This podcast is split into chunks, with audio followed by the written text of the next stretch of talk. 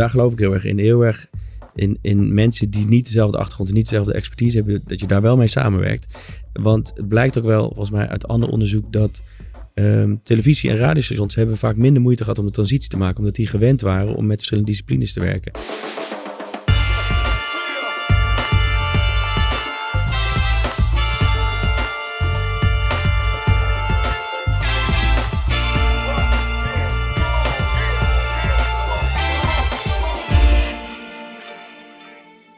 Hallo, goedemorgen, goedemiddag of goedenavond wanneer u dit ook luistert. En welkom bij de Brief, de podcast over content marketing en uh, media. Het is 2019, de allereerste van het jaar. U heeft er heel even op moeten wachten. Maar daar is hij dan, afleveringetje nummer 49 op 29 januari. Prachtige datum. Aan mijn linkerhand een vaste factor, ook in 2019. Vriend, waarde collega Matthijs Stielman. Hey. Hoe is het? Goed. Ben je, uh, hoe ben je het jaar begonnen? Was het hectisch of was het zo'n heerlijke, uh, sluimerende januari? Nee, daar hoop je altijd stiekem een beetje op. Maar ik denk dat het tegenovergestelde wel waar is eigenlijk. Waar, waar ben je zo druk mee? Uh, veel nieuwe de briefings, werk, uh, dat soort dingen. Een nieuw huis gekocht, uh, meubelboulevards, dat soort dingen. Kind, kind, kind. Ja, kind, kind is er ook gewoon nog. Dus, dat gaat ook gewoon lekker verder.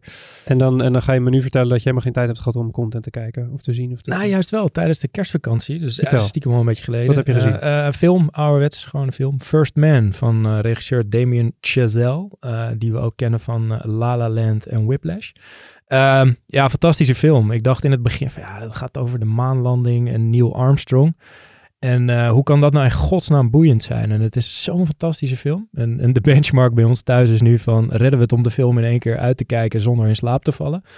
En uh, dat is bij deze echt, uh, echt extreem goed gelukt. Dus go check it out. Waar, waar, wat maakte de film zo goed? Ja, het is, het is hoe het gefilmd is, hoe het verhaal verteld wordt. Het gaat echt op de, de maanlanding is bijna bijzaak. Het gaat echt over de persoon uh, Neil Armstrong. En dat was niet uh, de makkelijkste man, zeg maar, om, uh, om, om, om maar een kleine spoiler te geven. En ook het verhaal van hem. Dus hoe hij daar is gekomen en, en dat soort dingen. Het is echt fantastisch gemaakt. En gewoon prachtig gefilmd. En ja, gaat zien. Tof. Is, is het um, qua kwaliteit La La Land? Daar zijn mensen helemaal lyrisch over. Nou, nee, er wordt niet gezongen en niet gedanst. Nee, maar qua, qua heeft het dezelfde, uh, de, hetzelfde potentieel? Nou, de, het is een heel ander genre. Het, het, het is veel rustiger. Het is, het is nee, maar okay. wel prachtig. Wel de moeite waard. Ja. Geen Oscar. Check it out. Nou, hij is wel flink genomineerd, geloof ik hoor. Ryan Gosling, geloof ik, uh, voor beste acteur. Ik weet het niet zeker, maar nee, het, hij maakt wel kans. Oké, okay.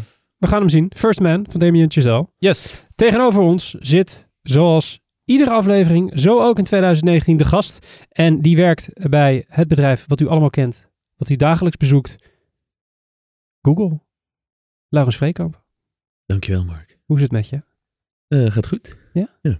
Is het de eerste keer dat je te gast bent in een podcast? In een podcast wel, ja. ja. Maar het doet me toch ook een beetje denken aan een radiostudio. En ik heb een jaar of vijf, zes bij Radio 1 gewerkt. In de nacht. Kijk eens. En uh, dat was een heel bijzonder sfeertje. Dus het is leuk om weer een beetje in deze setting. Precies. Wat deed je bij Radio 1? Uh, dat was ik regisseur van het nachtprogramma Nacht van het Goede Leven. Met Adeline van Lier. Ah ja. Dat was van één uur s'nachts tot zes uur s ochtends van zondag op maandag. Kijk eens. En dat Goeie ging heel erg over cultuur, uh, muziek, theater, films, boeken. En, en, veel live muziek, gasten. Lu luister je nu nog veel radio? Uh, enig, ja, ik luister Radio Fiep. Dat is een Parijse online. Ja, ik kan het alleen online luisteren. Fiep Radio. Waarom, is dat, waarom is dat goed? Ja, het is heel eclectisch op een bepaalde manier. En ze draaien altijd muziek die op een of andere manier past bij het moment. Dus als je op zondagochtend opzegt, heb je echt goede muziek die daarbij past. En wel ja, verschillende genres. En als je op dinsdagavond aanzet, krijg je weer hele andere dingen. En het, ik vind het altijd heel interessant hoe zij dingen na elkaar draaien waarvan je denkt, hoezo? En ze hebben om tien voor het hele uur nieuws, wat ik heel gek vind. Maar dat, dat fascineert me ook. En daarnaast luister ik altijd nog naar BBC, Radio 1, Benji B. Die ook s'nachts uitzendt, maar die luister ik gewoon door de hele week heen. En podcast? Podcast. Zit dat erin? Uh, de Brief natuurlijk. Kijk, natuurlijk. sowieso. En, um, en um, Live Slow, Ride Fast luister ik vaak van Laurens ten Dam. Ah, en die heeft wielrennen. ook altijd gasten iedere... Ja, ja, vooral wielrennen. En ik vind het sowieso slim wat hij doet, maar daar kunnen we misschien later nog over hebben. Maar hoe hij zijn hele uh, ja, hypertransmediale benadering van het fietsen voor de liefhebber aanbiedt. Ehm, ja, dat is, daar kan, kunnen, kan je best wel als voorbeeld naar kijken. Tof. vind Ik. Goed. Gaan we het later in de aflevering over hebben. En ook wat jij doet bij Google. Want Ja. je zit niet bij zomaar een afdeling van Google. Maar dat houden we nog eventjes geheim. Eh Laurens Vreekamp, welkom in de studio. Gaan we nu naar het nieuws. Daar zijn we weer in de studio, of eigenlijk nog steeds moet ik zeggen. En zoals u van ons gewend bent, eh, bespreken wij nieuwsitems die de media, marketingwereld en zijn of haar ban hebben gehouden. En we starten maar meteen met een aantal eh, voorspellingen. Of eigenlijk één voorspelling. Eh, en dat is eigenlijk niet onze eigen voorspelling. Het is een beetje een slappe intro van dit nieuwsitem.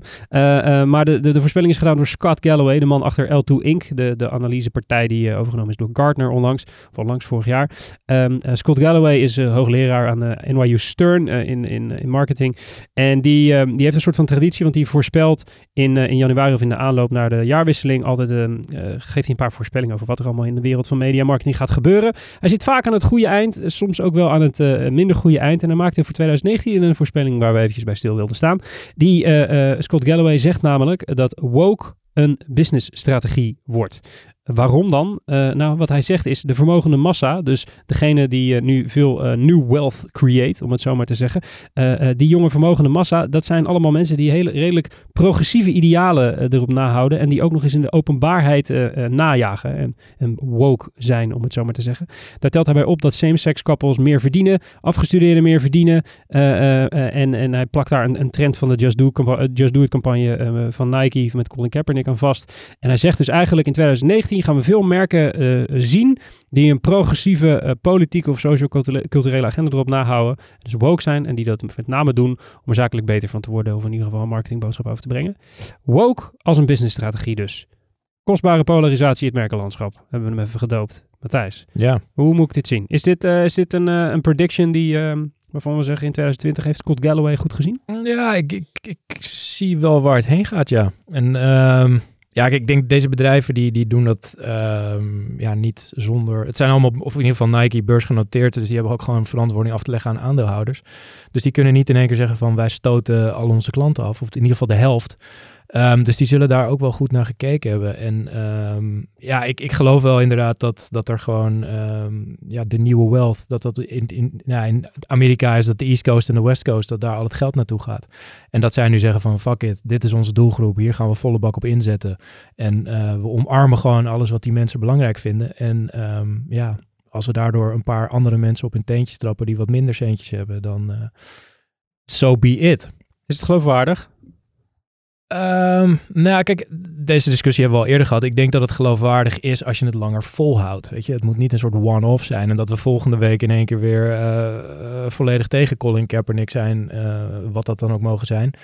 Ehm, dus ja, je moet het gewoon wel op lange termijn volhouden. En ook gewoon echt supporten. En ehm, dan gaat het werken. Maar, maar ja, gewoon de one-offs. En, en ja, dan verlies je het als je dat gaat doen. Ja. Maar ik geloof ook niet dat bedrijven dat, dat gaan doen hoor. Ik geloof dat de beweging die we nu zien, dat dat toch wel gewoon gedragen wordt voor de langere termijn ook binnen de bedrijven. Ja, nou wat interessant is om, om te zien is dat eh, wat jongere bedrijven ehm, dit wel een beetje najagen. Zeg maar een op idealen gebaseerd merken strategietje, om het zo maar te noemen. Ja, ja maar binnen de jonge bedrijven zie je vaak dat het eh, bij de reden van oprichting van het bedrijf hoort. Zeg Ja. maar. En, en dat is natuurlijk een groot verschil. En eh, kijk, Nike is natuurlijk ooit gewoon begonnen om, om hardlopers eh, schoenen te, te geven. En, en ehm, nou ja, Gillette is natuurlijk ook een voorbeeld dat we de afgelopen week hebben gezien. Die zijn gewoon begonnen om scheermesjes te verkopen. En ja, die moet in één keer, dat, dat, die olietanker moet in één keer op de handrem omgedraaid worden om eh, ja, nu te laten zien dat we toch ook echt wel goed voor hebben met de wereld. Ja. Dus is het wel een ander verhaal. De grap is met die, met die Gillette-campagne, toen ik die voor het eerst zag, dacht ik... Oeh, heel pijnlijk. Waarom, waarom doen jullie dit nou? En toen zag ik eh, de resultaten en wat voor effect het heeft gehad op, op het beeld dat men heeft van Gillette.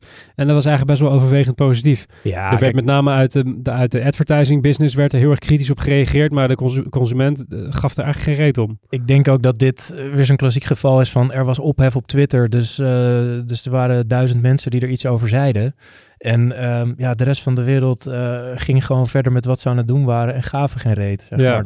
Dus, eh, Dan is inderdaad wel de vraag of ze dan, eh, of consumenten er dan gewoon geen reet om geven, of zich liëren aan het doel wat een Gillette najaagt. Ja. Of dat we misschien onszelf wel een beetje wijs hebben gemaakt dat men er meer ge- eh, minder geeft om wat merken vinden en waar ze zich voor Ja, inzetten. het zou binnen, binnen Gillette bijvoorbeeld ook gewoon een, een omslag kunnen zijn. Dat ze zien van, nou ja, eh, dat, dat inmiddels vrouwen een belangrijkere doelgroep is geworden voor Gillette dan mannen. En dat ze nu dus kijken van, wat vinden vrouwen belangrijk? En daar gaan we ons op richten. En als je gaat kijken naar een, een vrouwenscheermes is, is aanzienlijk duurder dan een mannenscheermes. Ja. Ehm, vrouwen, dat heb ik toevallig vanmiddag even opgezocht.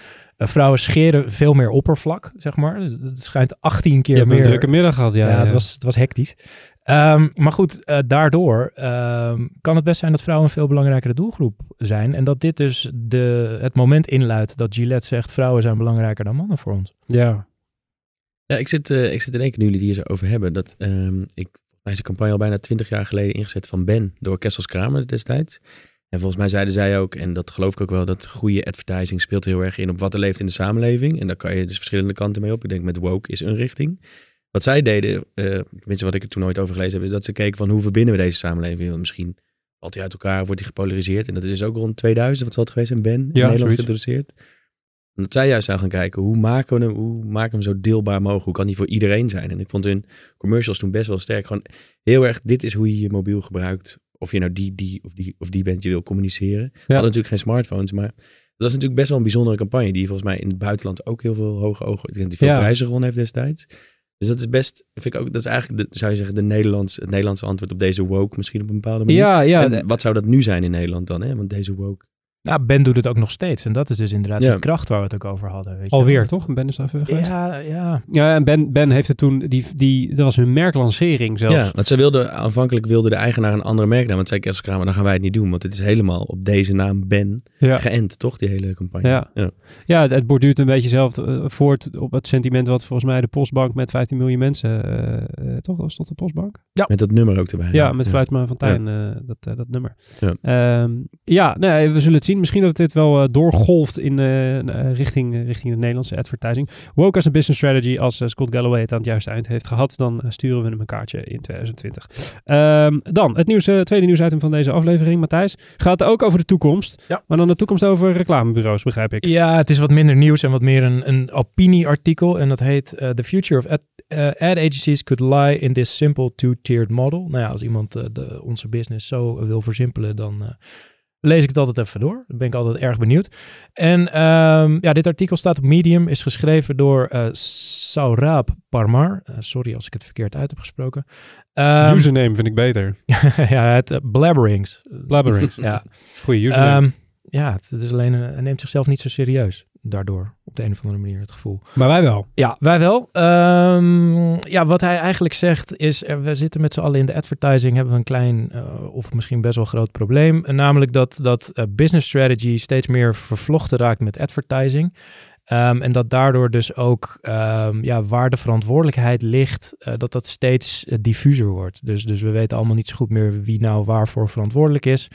Ehm, we zien dat in de industrie. eh, we zien veel fusies, we zien veel overnames. Eh, dat soort dingen zien we ontstaan. We zien mediabureaus die creatieve studio's beginnen. We zien eh, consultants die creatieve studio's beginnen. We zien creatieve studio's die meer media dingen gaan doen. Dus het, het, het vloeit allemaal door elkaar heen en het is niet helemaal helder meer.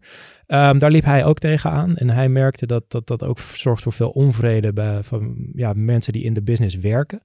Dus wat hij eigenlijk voorstelt is een heel erg versimpeld model. Ehm, namelijk, er moeten twee lagen komen. De eerste laag, eh, dat is eigenlijk een consultancy laag die echt met eh, CEO-level mensen werkt.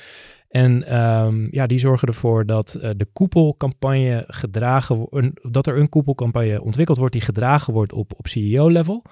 Ehm, en die dus ook de businessdoelen direct haalt. En ja, die laag wordt dus ook daarop afgerekend.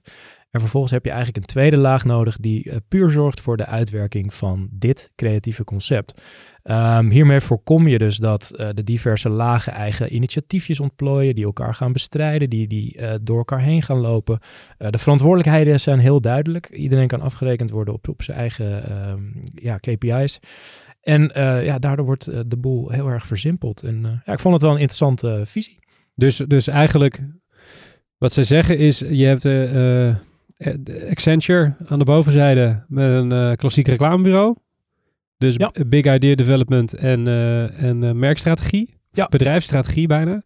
En in de onderste laag eh, zitten productietenten en eh, contentbureaus. Ja, die werken gewoon en social media bureaus. De TVC's en de Facebook-campagnes eh, en, Ja. en dat soort dingen werken zij uit. En, en dan onder begeleiding eh, van, slechts, zeg maar, van, van die het eerste klinkt, het, het, is, het is heel logisch, denk ik. Ik vind het wel een goed plan. Je ziet ook wel dat die, dit die eerste laag, eh, die consultancy laag, je ziet consultancypartijen al de advertising business insluipen natuurlijk. Met cre- eigen creatieve units, wat een Accenture doet en, en die partijen allemaal meer. En dan de onderste laag zijn wij bij WPK denk ik een voorbeeld Ja. van. Een, een uitgeverij die ineens eh, een reclamebureau eh, erbij begint en, en de uitvoering van de grotere bureaus een beetje afsnoept. Ehm, maar deze meneer of mevrouw die, die, die wil deze twee lagen dus bij elkaar brengen.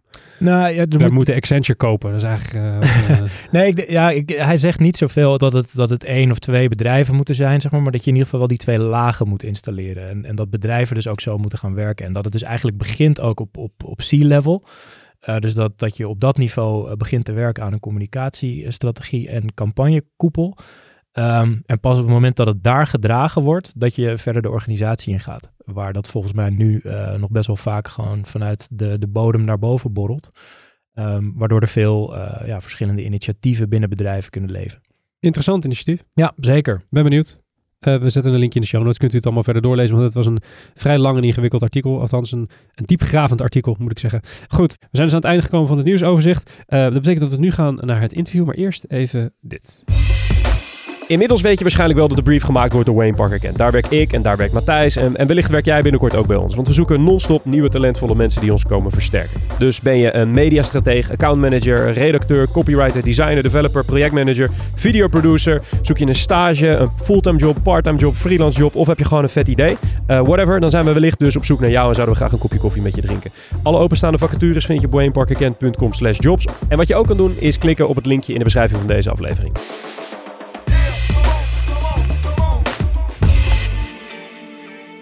Terug in de studio met Laurens Vreekamp van Google. En ik heb al verteld, niet zomaar Google. Eh Laurens werkt namelijk bij het Google News Initiative. Dan is de eerste logische vraag, Laurens. Wat doet het Google News Initiative? Ja, een hele goede vraag natuurlijk. Maar journalisten stellen altijd goede vragen. Dus daar ligt het hier vanavond niet aan volgens Precies. mij. Ehm, nee, wat het Google News Initiative doet is eigenlijk op allerlei manieren eh, journalistieke organisaties en journalisten en redacties eh, helpen, ondersteunen, faciliteren. Wat belangrijk is om te zeggen, ik werk voor het News Lab. En dat is een onderdeel van de Google News Initiative. En ehm, ik hoef dit eigenlijk niet aan jullie te vragen, maar weten jullie wat Google's missie is? Eh, nou, ik dacht altijd dat het eh, Don't Be Evil, maar dat is, daar zijn jullie van afgestapt volgens mij. Nou, dat is, dat is nooit de missie geweest. Maar de missie is namelijk het organiseren van informatie. Om het eh, toegankelijk te maken en bruikbaar. En je zou kunnen zeggen dat ehm, journalisten hebben eigenlijk ehm, een beetje dezelfde, ergens dezelfde missie. Want ehm, er is high quality content nodig om een burger goed te informeren. Eh, en dat is natuurlijk wat journalisten ook eh, doen. En daarvoor heb je natuurlijk ook gewoon een goede journalistiek nodig en vertrouwde organisaties. Eh, zodat de burger geïnformeerd kan worden. Dat je eigenlijk de tools geeft om ja, good citizenship zeg maar, uit, te, uit te oefenen. En daarom denk ik dat iedereen er wel bij vaart als er goede informatie voorhanden is. En die goede informatie moet geproduceerd worden. Dat doet Google niet, maar dat doen journalisten. En nu is er gezegd, nou, ehm, er is veel gebeurd in het nieuws-ecosystem. Eh, daar hebben heel veel eh, partijen verantwoordelijkheden in. Google zegt, wij nemen die ook. En daarvoor is ook het Google News Initiative om eigenlijk de journalistiek te helpen in deze digital age, in de transformation. Wat ik dan doe vanuit het Nieuwslab, is eh, eigenlijk heel praktisch ondersteunen met workshops en presentaties. En dan ga ik ga vaak naar newsrooms toe. Ik doe dat voor Nederland, België en de Nordics, zoals wij dat noemen, Scandinavië, zeg maar. En dat kunnen vragen zijn. Vertel ons over trust and verification nu met deze eh, parlementaire eh, Europese verkiezingen die eraan komen. Hebben we een speciaal thema over trust and verification. Ehm, er is iets eh, wat immersive storytelling heet of data visualization. Dat zijn drie, dat zijn drie thema's en we bieden meer aan. En wat ik doe is ik ga naar die newsrooms toe en dan vraag ik echt waar heb je behoefte aan? En dan maken we een workshop op maat eigenlijk op basis van deze thema's. Dan behandel ik een aantal tools die, je, eh, die Google al heeft, die je kunt gebruiken. Maar ook zo'n Flourish, maar ook hele andere tools. Ehm, van, van derden waar we verder geen enkele banden mee hebben. Maar zeggen, die zijn voor journalisten heel handig om te gebruiken als het hierover gaat. Ja, want je bent teaching fellow, hè? Dat is je, klopt, functie, ja. dat is je functietitel. Ben je, ben je de enige teaching fellow dan in Nederland? Is dat een soort van per land hebben we één persoon? Ja, het is een beetje per land of gebied. Want er is bijvoorbeeld ook één voor Frankrijk en er is eentje voor de UK. en jij hebt gewoon de zone, de... de, En ik heb Nederland, België en, en de Nordics. en dat, is dat is wel een aparte... eh, Kan je iets vertellen over je achtergrond, hoe je, Ja. hoe je hier bent be- beland? Want het is best wel een, bijna een, unieke functie. Er zijn weinig bedrijven Ja. die een vergelijkbaar iets... Dat denk ik ook. Ik ben in. Amsterdam sowieso de enige van mijn team. Dus ik, ik, heb, ik heb wel ehm, natuurlijk wel connecties met andere afdelingen. Ehm, maar mijn achtergrond is, ik ben eh, gediplomeerd kunstenaar zelfs, zou je kunnen zeggen. Op de HKU heb ik Interaction Design gestudeerd, gestudeerd en een master interactieve multimedia. Dus ik, ik zie mezelf ook als user experience designer, maar ik heb altijd in journalistieke contexten gewerkt. Mijn afstudeerthesis, de titel vergeet ik altijd, maar was geloof ik iets van eh, eh, hybride nieuwsmedia, ecologie of ecosysteem. Het bloggen kwam net op, is 2003. Ehm, dus ik, heb bij Radio 1 gewerkt, ook bij KRO NCV, de afdeling digitaal. Dus de oudere media. Ehm, en ik heb eh, acht jaar lang lesgegeven bij de Hogeschool Utrecht. En dan bij de faculteit Communicatie Journalistiek. Eerst als designdocent, dus interaction design docent, maar ook altijd weer naar die journalistiek toe, eh, journalistiek toe gegaan. Een minor opgezet, Future News Media. En daar ontmoette ik Mark ook, volgens mij vanuit Ja. die minor. Klopt, ja. En dat was toen met Mindshakes, kwam toen bij Wayne Parker Kent binnen, waar Wart Wijndels, die nu bij VN zit, toen Ja, klopt, ja. eh, ja, de, de aanvoerder van was. zeg Ja, maar. dat was een soort innovatief nieuwsproject wat we, eh, wat we deden. En vanuit daar ben je dus doorgestapt naar, naar Google. Ja, en toen was ik, ik was altijd een beetje zeven, acht jaar in het onderwijs. En ik sprak ook eens eh, met andere mensen. En zei van, ja, moet ik nou blijven? Wat ga ik nou doen? Ik kon daar heel veel uitvoeren. En die minor was, vond ik ook echt te gek om te doen. En toen dacht ik, nou, wat zijn, nog, wat zijn nog meer opties? En kun je het onderwijs nog uit als je dat zou willen? Op een gegeven moment niet meer. Zit je er ook heel comfortabel. En toen, ehm, toen was ik een beetje aan het rondkijken. En toen kwam dit eigenlijk op mijn pad. En ah, ja, ben ook gevraagd hiervoor. En toen zeiden ze ook, ja, je kan een soort Venn-diagrammetje tekenen van, van design, technologie, journalistiek en educatie, zeg maar. Het zijn dan vier bollen en een fan heeft er meestal drie trouwens. Maar goed. Dan krijg je Ehm, ruzie met Matthijs hoor. Als je ja. de- maar ja, dus dat profiel is, is misschien wel wat unieker. En, Ja. ehm, wil je dit gaan doen? En toen dacht ik, nou, daar ben, ik wel in geïnteresseerd. tof. Ja, mooi. Tof. Hey, terug naar, naar het, eh nou ja, het nieuws eh, initiative. Ehm, is, is, is dit echt in reactie op het Trump-tijdperk ontstaan? Of was het daarvoor eigenlijk ook al? Nee, het is het, het eh, eh, Google News Initiative als naam is in maart 2018 opgezet. Maar dat DNI-fund bestaat nu al een jaar of vijf. Dus dat is al ruim daarvoor. En dat, dat is echt een Europees eh, een Digital News Initiative Fund geweest. En dat komt nu weer onder de GNI, zoals we het dan afkorten. Google. News Initiative. Dus het is daarvoor al wel ontstaan. Ja. En is het echt zuiver filantropisch? Of, of is, zit daar voor Google ook gewoon nog wel een soort eh, business idee bij? Nou, nee, wat ik eigenlijk net zei, ehm, die, die missie is gewoon om, eh, ja, om die informatie te ontsluiten. En dat we echt wel zien dat die futures are tied, zeg maar, die zijn aan elkaar verbonden. Dus we hebben gewoon, en zo kan je hem uitleggen, we hebben ook, er is goede eh, high quality content nodig om te kunnen ontsluiten. Precies. Dus ja, Maar dus er zit, geen direct, er zit geen directe, in andere woorden, als ik eh, jou bel, ik heb een nieuws, een nieuwsoutlet, als ik jou bel van, joh, kon je het komen vertellen, dan krijg ik geen rekening achteraf. Je- Het is een indirect Nee, voordeel precies. dat jullie... De- alle alle eh, dingen die we faciliteren, die zijn zeg maar free of charge. Ja. En ehm, er is trouwens een nieuw onderdeel, vergat ik net helemaal te zeggen. Ehm, en dat is eh, een beetje gebaseerd op de Google Design Sprint, zijn jullie vast bekend mee. Ja. Dat je in Ja. vier, vijf dagen van een idee tot een gevalideerd prototype eh, komt. En die hebben we nu weer, ge, eh, ik gebruik zoveel Engelse woorden tegen me, maar dat kan in deze podcast. Mag. Die hebben we nu zeg maar geadapt Ah ja. aangepast naar eh, voor, voor sorry, voor redacties. Eh, ja, dus dat is een nieuw eh, eh, soort nieuw programma wat we aanbieden, News Innovation Frame hebben we dat genoemd. En daarmee gaan we met redacties en eh of En dat, is eigenlijk, een, dat is eigenlijk een, een, een methode van werken die je dan doseert eigenlijk aan bestaande nieuws. Ja, ik ben, ik ben dan een van de facilitators, zeg maar, van de sprint facilitators. Maar wat we nu kunnen doen is ook eh, wat we noemen creative technologists bijvoorbeeld meebrengen. En we kunnen hard- en software bieden. Zoals jullie ongetwijfeld zullen vermoeden, is de vraag nu heel vaak, wat kunnen we met de Google Home of met de Assistant Ja. Ja. als nieuwsorganisatie?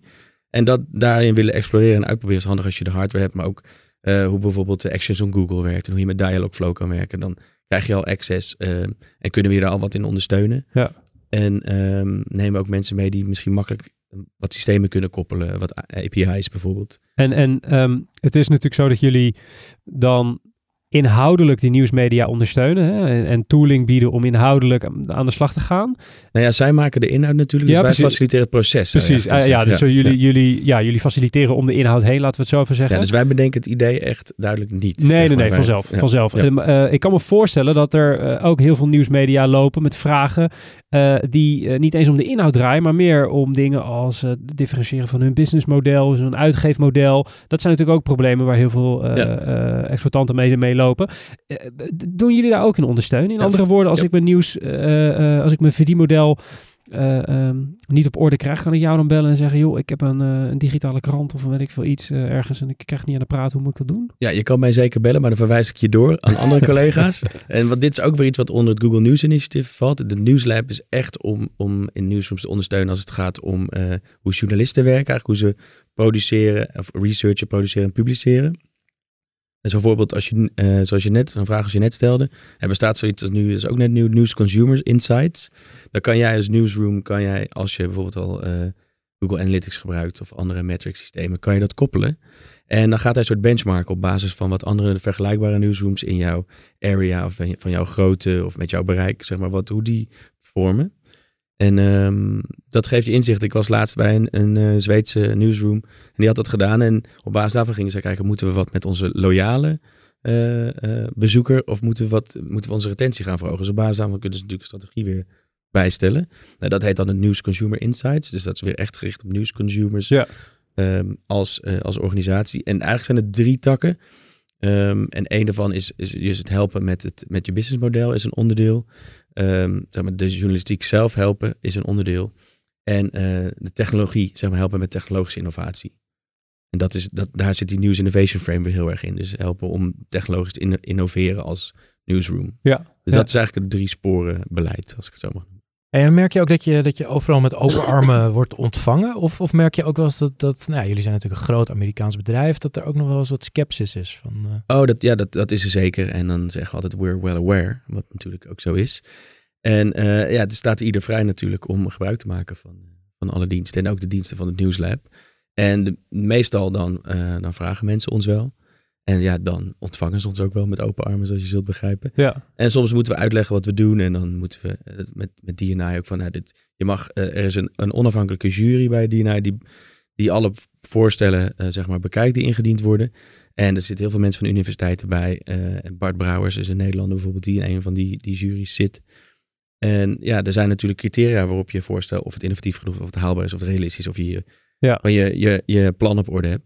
Eh, maar daar heeft Google eigenlijk niks over te zeggen. Zij beoordelen dat. Dus op die manier ehm, Met lokale mensen dus ook. ja, ook, maar ook, zijn ook andere Europeanen die zeggen, oké, dit zijn Nederlanders die dit indienen, zou dat interessant zijn. En, ja. Ja, je, je, je zei net zelf al van, joh, je, je- zit in de Nordics en in, de, eh, en in de BNE. eh, ehm, zijn, er, zijn er dan, die, die culturen lijken enigszins op elkaar natuurlijk. Dus zie je een soort van overkoepelende problemen als je bij veel van die verschillende nieuwsmedia aankomt, waar ze eigenlijk allemaal mee lopen? Zijn er een soort van grote problemen waarvan de landsgrenzen eigenlijk niet zo heel veel uitmaken en waar ze overal mee worstelen? De één begreep ik, in Denemarken bijvoorbeeld was er meer een inhoudelijk probleem dat ze ook zij, en misschien net als Amerikanen, misschien in Nederland ook wel, sommige stemmen in hun eh, samenleving hadden gemist, zeg maar, van tevoren bij verkiezingen. Dat ze toch wel wat verrast waren dat zoveel mensen op bepaalde partijen zouden stemmen.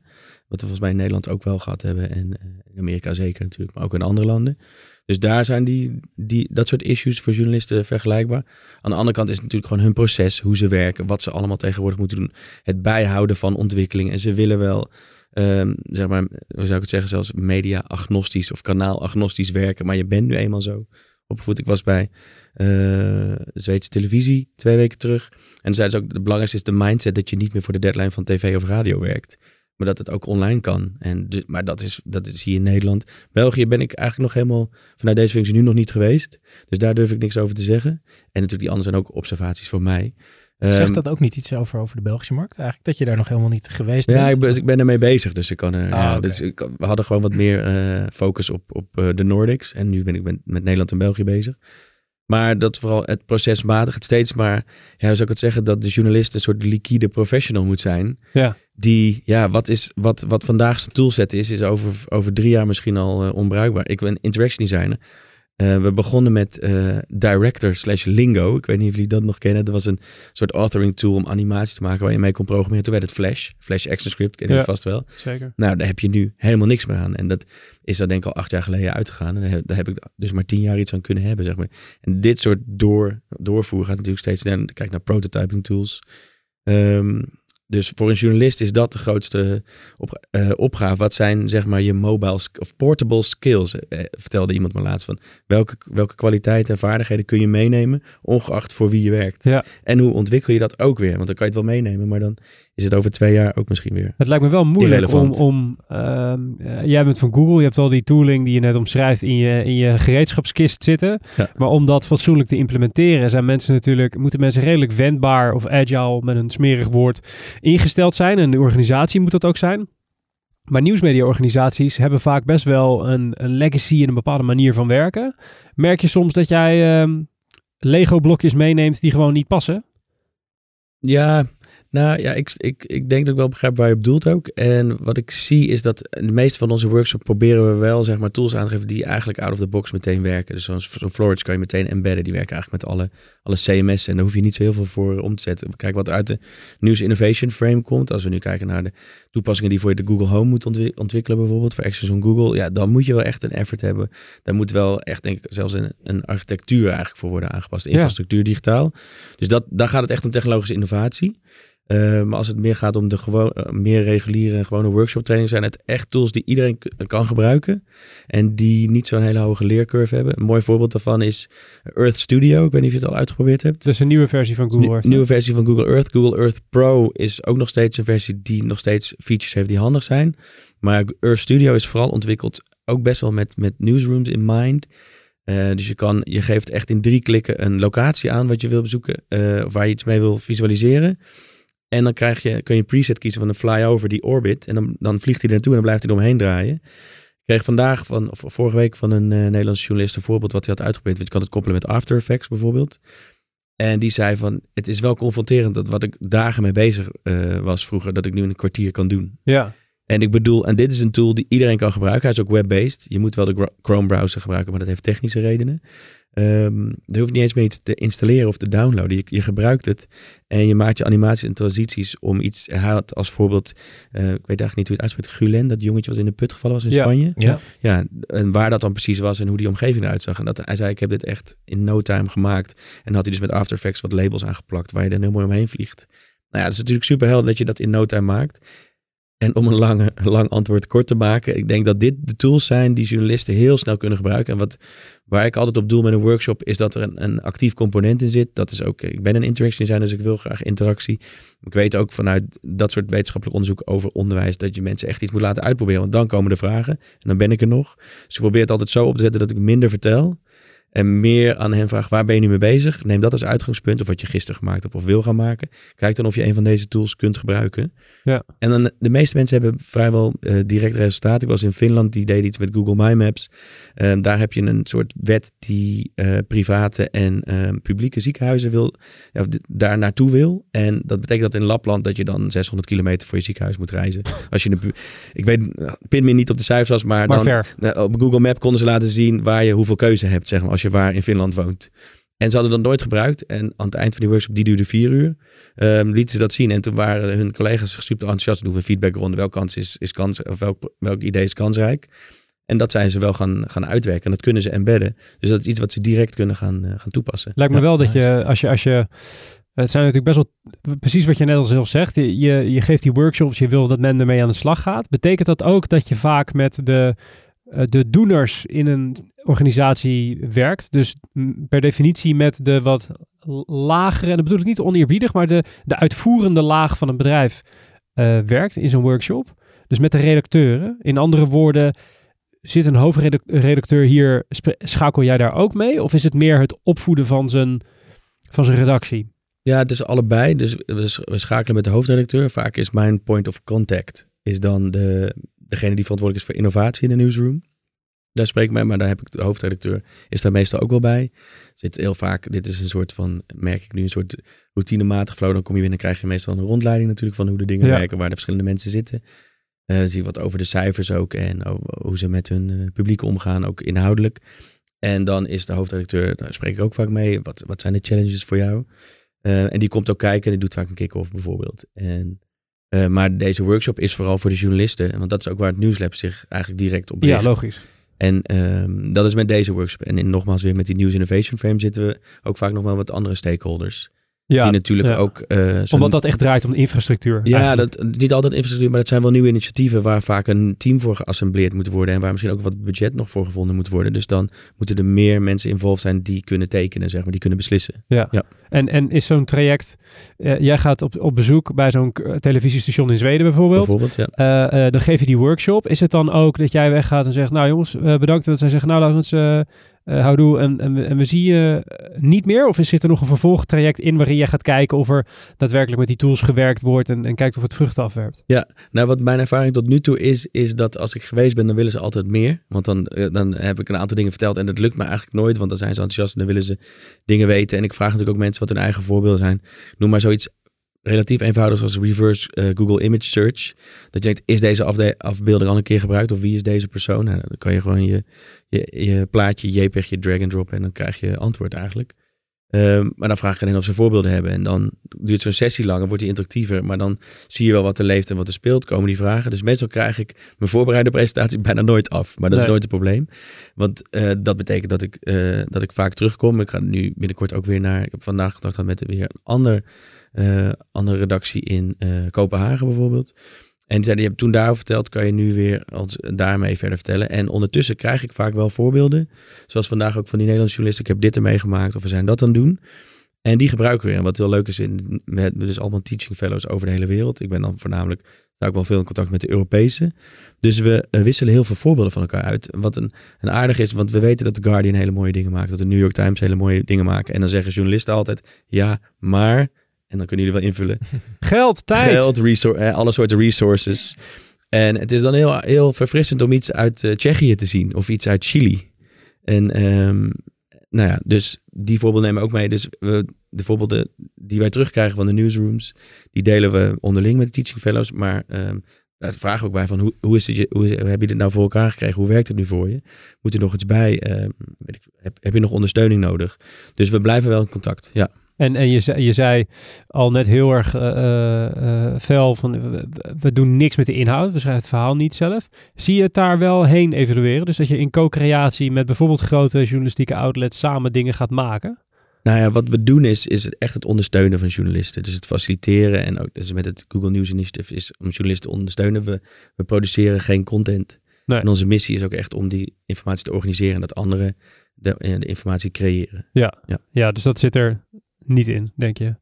Ehm, ik kan me voorstellen dat je vanuit jouw positie een best wel mooi soort van op macroniveau eh, de nieuwsmedia kan, eh, kan beschouwen. We waren een beetje aan het, aan het eh, teruggraven naar wat er allemaal geroepen is in, over de geschiedenis van nieuwsmedia online. En er worden natuurlijk heel veel dingen geroepen dat er hele grote fouten zijn gemaakt in het verleden met de digitalisering. Als, als gratis nieuwscontent weggeven hadden we dat maar nooit gedaan. Of sneller gedigitaliseerd, dan was men nog wel aan blijven haken bij, bij de grote nieuwsmerken.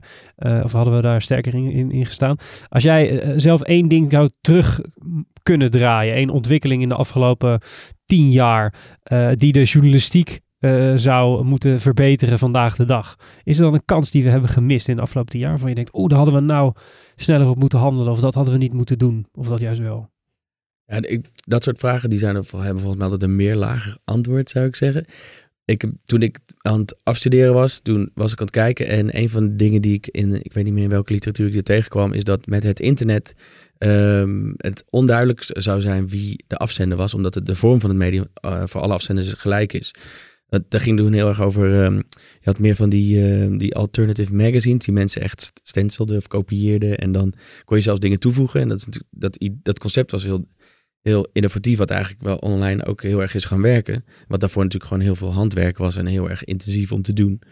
Ehm, maar dan zag je aan de vorm, omdat het gekopieerd was en gestenceld, ook, kon je ook vermoeden wat de inhoud, welke kleur die inhoud had, zeg maar. En dan van kranten en televisie wist je dat ook. En als iedereen hetzelfde medium zou ga- gaan gebruiken, dan kon je niet zo snel meer zien wie nou precies die afzender was, op welke manier die kon vertrouwen, wat je kon verwachten. Nou, ik denk dat als de journalistiek zich op dat moment had dat had gerealiseerd, A en B, veel eh, sneller was gaan eh, met multidisciplinaire teams was gaan werken. zodra de technologie bij dat hebben inge... Dat, ja, maar dat is in, in hindsight zou je dat kunnen zeggen. Dus dat je, eh, daar geloof ik heel erg in. Heel erg in, in mensen die niet dezelfde achtergrond en niet dezelfde expertise hebben, dat je daar wel mee samenwerkt. Want het blijkt ook wel, volgens mij uit ander onderzoek, dat ehm, televisie- en radiostations hebben vaak minder moeite gehad om de transitie te maken, omdat die gewend waren om met verschillende disciplines te werken. Dat je en een editor hebt, of een, een regisseur, een technicus, ehm, mensen die teksten schrijven, uh, cameramensen. Dus je moest met allerlei specialisten al werken. Dus die schijnen, volgens mij is dat uit onderzoek, uh, schijnen transities vaak iets makkelijker Klinkt te maken. Dus, dus Ehm, de nieuwsmedia is gewoon te lang bij het geschreven woord gebleven. Ja, of bij hun eigen leest. Terwijl ze mensen met andere leesten zeg maar, erbij hadden moeten betrekken. En in de, eigenlijk in de design thinking wereld, waar, die, waar ik als user experience designer zeg maar, toe behoor als, als beroepsprofessie. Daar ehm, noemen ze dit soort dingen ook wicked problems. Weet je, er is niet één aanwijsbare oorzaak. En om deze challenge aan te gaan, moeten heel veel partijen om de tafel. En moet iedereen een steentje bijdragen. En ik weet niet eens wie alle partijen in deze zijn. Ehm, maar goed, dat, ja, dat zijn zulke grote bewegingen met zoveel lagen. Dus één ding veranderen. Lastig. En, ja. eh, nee, het is ook natuurlijk een beetje een flauw, ja. flauwe, flauwe vraag. Maar, maar bedoel, je, je antwoord eh, makes sense. Eh, als je naar vandaag de dag kijkt, is er een, een soort van blind spot die heel veel nieuwsmedia hebben. Een open kans of een, een ding waar niemand op lijkt te springen. Waarvan jij zegt vanuit jouw positie bij Google, dit is, dit is nou hetgene wat jullie zouden moeten gaan doen. Los van het gebruiken van de tools van Google natuurlijk. Ja, nou, ze hoeven onze tools niet te gebruiken. Nee, dat wil ik ook eh, duidelijk zeggen. Maar wat, eh, nou, wat ik, wat ik, eh, wat ik een interessante ontwikkeling vind, is het, het luisteren naar de input of het gebruiken van input van je gebruiker. En ik denk dat daar nieuwe technologie ons wel toe in staat stelt. Enerzijds denk ik dat bijvoorbeeld eh, de correspondent dat natuurlijk heel goed doet, die mensen constructief, actief en meestal ook in een soort positieve zin vragen om bijdrage. Als zij een stuk gaan schrijven over de zorg, vragen ze mensen die in de zorg werken op wie die wet van toepassing is in hun dagelijkse praktijk. En zeggen, hoe ervaar je dit? Nou dat zijn natuurlijk hele waardevolle constructieve bijdragen. Dus die hebben een manier gevonden om dat te doen. Uh, nujij.nl is het best een interessante die ook natuurlijk technologie gebruikt. De, van de Corel Project heet het geloof ik, van Vox. Als ik het goed ja, heb. die nieuwe conversatie, eh, Ja, en of, eh, ik was- conversatiesoftware. Ja. Ik was bij de media van morgen, dat is van de Stimuleringsfonds voor de Journalistiek. Volgens mij was dat in november of december. En daar vertelde een van die redacteuren dat hij heel erg verbaasd was. Dat als je tegen mensen zegt, oké, dit is het stuk wat we geschreven hebben. We willen graag dat je eh, reageert op dit en dit onderdeel. Dat dan heel veel mensen dat ook netjes deden. En daar was hij heel erg verbaasd over. En, ehm, en ik verbaasde me daarover, omdat ik natuurlijk ook een achtergrond als docent heb. En als je dan wat, eh, zou ik zeggen, wat weet of ervaring met, met pedagogiek en didactiek, dan weet je dat je mensen een duidelijk kader geeft en richting. Dat ze eigenlijk ook 9 van die mensen dat vrij fijn vinden, omdat het gewoon duidelijk is. En je vraagt ook weer om een constructieve bijdrage. Dus je, je vraagt naar het wenselijke. Dus, en wat we volgens mij heel lang gedaan hebben, is het, eh, het, straffen van eh, het negatieve gedrag het, ongewenste gedrag. Dus er werd altijd ingezet op moderatie. Ja, want dan gaan mensen eh, racistische uitspraken doen, gaan ze schelden, gaan ze onzinnige dingen zeggen. Ja, als je mensen niet vraagt waar je naar, naar op zoek bent, dan krijg je maar wat. Dan krijg je het rommeltje. Dus ja, je wil misschien als journalist helemaal niet weten wat mensen vinden van dat Trump die wall wil. Maar je misschien wil wel iets weten als je een constructiebedrijf bent. Waarom die muur met, met weet ik veel, die, eh, die betonsoort niet zou gaan werken of zo. Dat Ja. zou je wel willen weten. Nou, en wat ik dan nu zie is dat eh, de conversational interface of conversational news content, dat vind ik een hele interessante. Ik denk dat we met apps, of de chat apps zeg maar, dat dat hem nog niet helemaal is. Maar dit is gewoon echt een, een, een gewoon hardop denken. Stel je zit de krant te lezen of je luistert naar een podcast of radio aan je keukentafel, misschien 's ochtends of 's avonds. Iemand zegt iets over een politiek leider en jij roept uit, maar waarom is die persoon nog niet de laan uitgestuurd? Het zou fijn zijn als je dan een antwoord krijgt. En als het er niet is, ehm, dan kan je die, al, die, zeg maar, al die uitroepen van mensen zou je kunnen eh, eh, verzamelen. En dan zou je aan je journalisten kunnen geven. Zeg, luister, Dit zijn de vragen dit die zijn er nog open staan. letterlijke vragen. Want dat is een verschil namelijk. Dat maakt Jake Knapp, wat dan wel weer een Googler is, in, dat, in het Google Design Sprint eh, handboek, zeg maar, duidelijk. Er is een heel belangrijk verschil tussen eh, feedback en, en reacties. Want reacties zijn zo genuine, komen nu in je op. Van hoe kan het dat, dit, dat er zoveel geld aan zo'n brug gespendeerd wordt, ik noem maar wat. Dat is iets anders dan als iemand vraagt, zou je feedback kunnen geven op dit? Want dan zit je in de andere modus, zeg maar. Nou ja, en die, die eerste reacties, die eerste vragen, die zijn natuurlijk heel veel waard. En dan zou je er ook nog achter kunnen komen wat iemand misschien voelt en denkt. Want als je ze uitnodigt voor lezersonderzoek, ja, dan heb je al die, die bias en group speak and think. Weet je, heb je al dat soort eh, ja, ehm, invloeden die je niet wil. En hier krijg je ze eigenlijk één op één. Nou, daarvoor zie ik, ik weet niet wat de toepassing daarvan wordt, maar ik kan me voorstellen dat dat heel waardevol kan zijn. Precies. En nu jij doet het dus ook in de correspondent vraagt actief naar, maar dit is nog een soort van impliciete eh, vraag om input. Ja, conversational nieuws gebaseerd op vragen die nog overstaan na het consumeren van Ja. content, eigenlijk. En eh, ja, nou ja, een, een voorbeeld daarvan ehm, is bijvoorbeeld Holy Fuck van de NOS. Kennen jullie Ja. het? Gaat over Brexit. 62 vragen over Ja. Brexit. Ik moet zeggen dat ik precies twee weken terug, toen May die deal er niet doorkreeg, dacht ik, ja, wat is ook alweer een soft, soft deal Ja. toch? Of een soft Brexit of een hard Brexit. Die beantwoorden ze allemaal. En ze vragen eh, mensen, eh, welke vraag hebben wij nog niet beantwoord voor je? Dus iemand vroeg, hoe zit het met de Premier League? Ehm, hoe zit het met Gibraltar? Had ik ook nooit aan gedacht. Maar hoe, zou- hoe zou wil je dat weten? Maar, en, dat- en zij zijn dus, zij selecteren dan wel bij de vragen. Maar dat is een heel effectief, simpel voorbeeld van goede journalistiek die uitzoekt vragen die mensen hebben bij dit soort grote, belangrijke eh, ja, nieuwsfeiten, nieuwsgebeurtenissen die ongoing zijn. Ja, het, het toont volgens mij ook wel het feit dat dit goed werkt. Want nu jij doet het, doet het heel erg goed. Ja. Dat begrijp ik van, eh eh, van Gertjaap Hoekman via Twitter. Ehm, eh, dat, dat toont misschien ook wel een beetje aan dat men veel betrokkener is bij nieuws dan dat wij in de afgelopen paar jaar eh, dachten. Er heerste natuurlijk een beetje een sfeer van mensen lezen niet meer en de nieuwsconsumptie eh dondert omlaag. Wat cijfers ondersteunen dat eigenlijk nog niet eens zo heel erg, als ik het goed, als ik het goed heb. Ehm, eh, hoe zie jij dat? Bijvoorbeeld in, in een jongere doelgroep. Is die claim jongeren zijn niet meer betrokken bij nieuws, is dat, is dat waar? Kan je, zie jij vanuit je positie, kun je iets over zeggen? Ja, daar kan ik lastig iets over zeggen, denk ik. Maar volgens mij is het wel eh, van alle tijden dat we bang zijn dat de jonge generatie het niet goed doet. Volgens mij is dat een gegeven. Ja. En ik was gisteren bij eh, een avond van Pakhuis de Zwijger, Millennial Matters. En daar heet het Tijd voor iets nieuws. En daar eh, had, kwam iemand met een quote van Douglas Adams. Als er nieuwe technologie is en je, bent, eh, je wordt geboren, dan is, neem je alles voor granted wat er dan is. Dus daar verbaas je je niet over. Als je tussen de 15 en de 34 bent, dan vind je er waarschijnlijk werk in. In de nieuwe ontwikkelingen die je dan meemaakt. Wat voor mij heel erg eh klopt. want Dat is het internet geweest en interaction design. Ja, voor ons En allemaal. als je, ja, en als je, en het ging ook over millennials, en als je dan 39 en ouder bent, dan vind je, het, vind je het eigenlijk allemaal maar niks. Dan wil je het liever bij het oude laten. En ehm, dus ik vraag me af of dat zo is. Volgens mij werd het ook over de muziek gezegd rondom eh, Napster.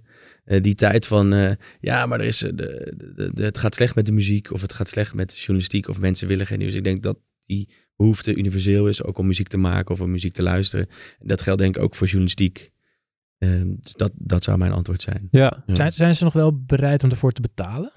Denk jij? Ja, volgens mij wel. Het, is wel zo. Daar zit een verschil met de Nordics en Nederland bijvoorbeeld. In Nederland hebben we natuurlijk ook een pluriform omroepbestel. Dus er is heel veel aanbod waar we niet voor hoeven betalen. We hebben heel veel nieuwsmedia die ook gratis nieuws aanbieden. Dat hebben ze in, eh, in Scandinavische landen minder. En daar is de bereidheid om te betalen groter dan in Nederland. Maar dat kan ook veranderen.